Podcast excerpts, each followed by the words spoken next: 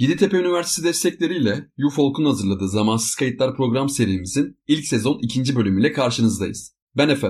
Ben Tuğba. Bu bölümde konumuz nazar boncuğu. Baktığımızda nazar boncuğu farklı kültürlerde önemini çoğunlukla korumuştur. Peki bu nazar boncuğu nasıl ortaya çıktı? Hadi biraz bunun üstüne konuşalım.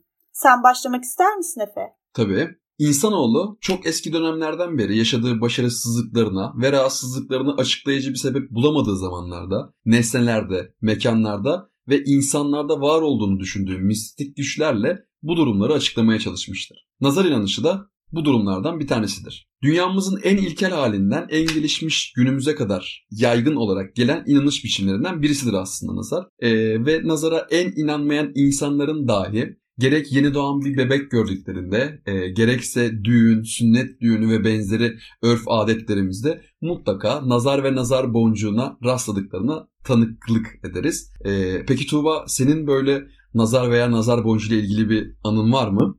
Evet evet var Efe olmaz mı? Hangimizin yok ki? Mesela ilk aklıma gelen şu. Annemin ben birinci sınıfa ilk başladığım gün önlüğümün kenarına kızım okula başladı aman nazar değmesin diyerek nazar boncuğu iliştirdiğini çok iyi hatırlıyorum. Eminim ki birçoğumuzun da hayatında böyle anıları vardır. Dünyamızdaki varsaydığımız mistik kötü güçlere ve tabiri caizse kem gözler olarak nitelendirdiğimiz nazar enerjisine karşı nazar boncuğu en yaygın koruyucu tılsım olarak kabul edilmiştir. Nazar boncuğu kültürler arasında olduğu kadar kuşaklar arasında da varlığını sürdürmektedir. Nazarlık simgesine Yunanlarda olduğu kadar İrlanda masallarında da rastlandığını, pagan bağlamına rağmen İncil ve Kur'an gibi dini kitaplarda da yer aldığını rastlayabiliriz.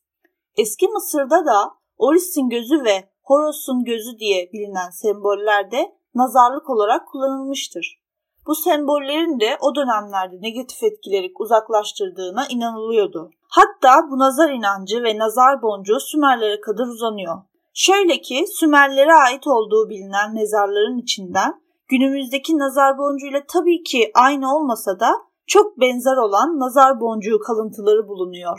Açıkçası nazarın Sümerler zamanına kadar dayandığını bilmiyordum Tuğba. Ben de Arapların kültürüne nazarın çok yaygın olduğunu okumuştum. Hatta İslamiyet öncesi Arap kültüründe nazarın oldukça yaygın olup bir mezarlıktaki ölenlerin tamamen nazardan öldüğünü söylediklerini de rastlamıştım. Evet evet Efe bunlarla ilgili ben de bazı şeyler okudum. Hatta bununla ilgili nazar evleri boşaltır mezarları doldurur ve nazar deveyi kazana adamı mezara sokar gibi sözleri bile mevcut. E nazardan bu kadar bahsetmişken tabii ki biraz da nazardan korunma yöntemlerinden bahsedelim. Nazardan koruma yöntemi deyince tabii ki aklımıza ilk olarak nazar boncuğu geliyor. Nazar boncuğunun bizleri negatif enerjiden, e, dış kötü etkilerden, tabiri caizse kem gözlerden koruduğuna inanırız. Nazar boncuğu genellikle e, ortasında göz şeklini andıran bir figürle karşımıza çıkar ve odun ateşinde fazla ısıya maruz kalarak eriyen camın basit el aletleriyle el işçiği kullanılarak yapılmasıyla oluşturulur nazar boncuğu. Peki burada bir konuya değinmek istiyorum. Sence Tuğba bir ustanın elinden çıkan nazar boncuğu ile fabrika ortamında seri üretimle üretilen nazar boncuğunun koruma etkisi ve değeri sence aynı mıdır? Bence asla aynı olamaz Efe. Bu görüşe hiç katılmıyorum. Çünkü bir ustanın el işiyle, usulüne ve gerekçelerine uygun olarak yaptığı bir nazar boncuğuyla fabrikalarda seri üretimle yapılan bir nazar boncuğunun aynı özelliklere sahip olması benim için imkansız.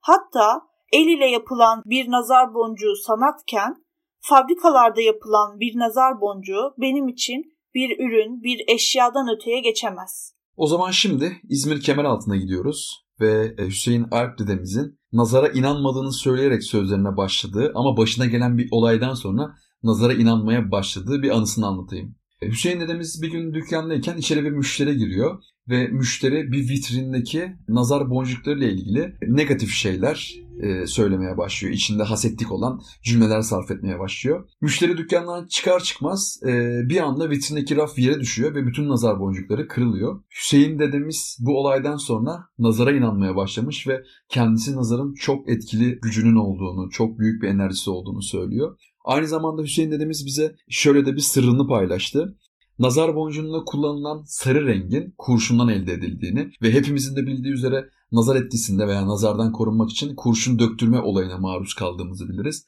Bu sarı rengin de bu kurşunla beraber pekişerek bizi daha fazla koruduğunu söyleyerek sözlerini tamamladı Hüseyin dedemiz. Gerçekten etkileyici bir hikayeymiş Efe. Nazar boncuğunu sadece kendimize değil evlerin girişlerine, araçlarımıza, hayvanlarımıza hatta bağ ve bahçelerimizin bir köşesine bile asabiliriz. Çünkü nazar boncuğunun kem gözleri üzerine çekerek nazardan koruduğuna ve bir süre sonra çatladığına inanıyoruz. Aslında Tuba, otomobil, kamyon, otobüs tarzı taşıtlar bunlar evet nazar boncuğuna çok denk gel- geldiğimiz yerler. Ben hatta bu konuyu araştırırken e, moda dünyasında da nazarlığın fazlasıyla etkili olduğunu gördüm. Hatta Kim Kardashian'ın e, birçok postunda aksesuar olarak nazar boncuğu ve göz motifleri gördüğünü rastladım. Tabii canım moda dünyasında nazarlık bayağı ünlendi. Cici Hadid de geçen yıl göz temalı ayakkabı modelleri üreteceğini duyurmuştu mesela. Aman boş ver Cici Hadid'i Kim Kardashian'ı. Uzaklara gitmemize gerek yok. Bizim sanat güneşi Zeki Müren'imiz var. Nazar boncuğunun bir zamanlar Zeki Müren boncuğu olarak adlandırdığını biliyor muydun Efe?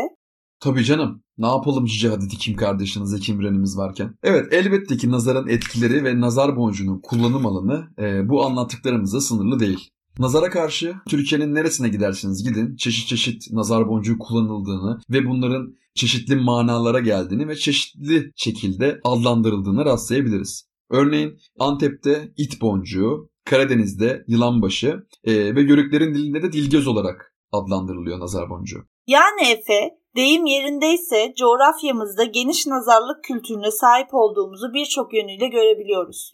Nazar boncuğunun sadece bizim ülkemizde değil birçok ülkede olduğunu, duyulduğunu ve kullanıldığını zaten konuşmuştuk. Bir de şöyle bir bilgi eklemek isterim ki nazar boncuğu Mart 2013'te geçmişten geleceğe yaşayan kültür mirası Türkiye somut olmayan kültürel miras ulusal envanterine kaydedilmiştir. Bugün Efe ile birlikte nazar boncuğu hakkında konuştuk. Zamansız Kayıtlar podcast serimizin ikinci bölümüyle sizlerleydik. Bir sonraki bölümümüzde görüşmek üzere. Bizi dinlediğiniz için teşekkürler. Hoşçakalın.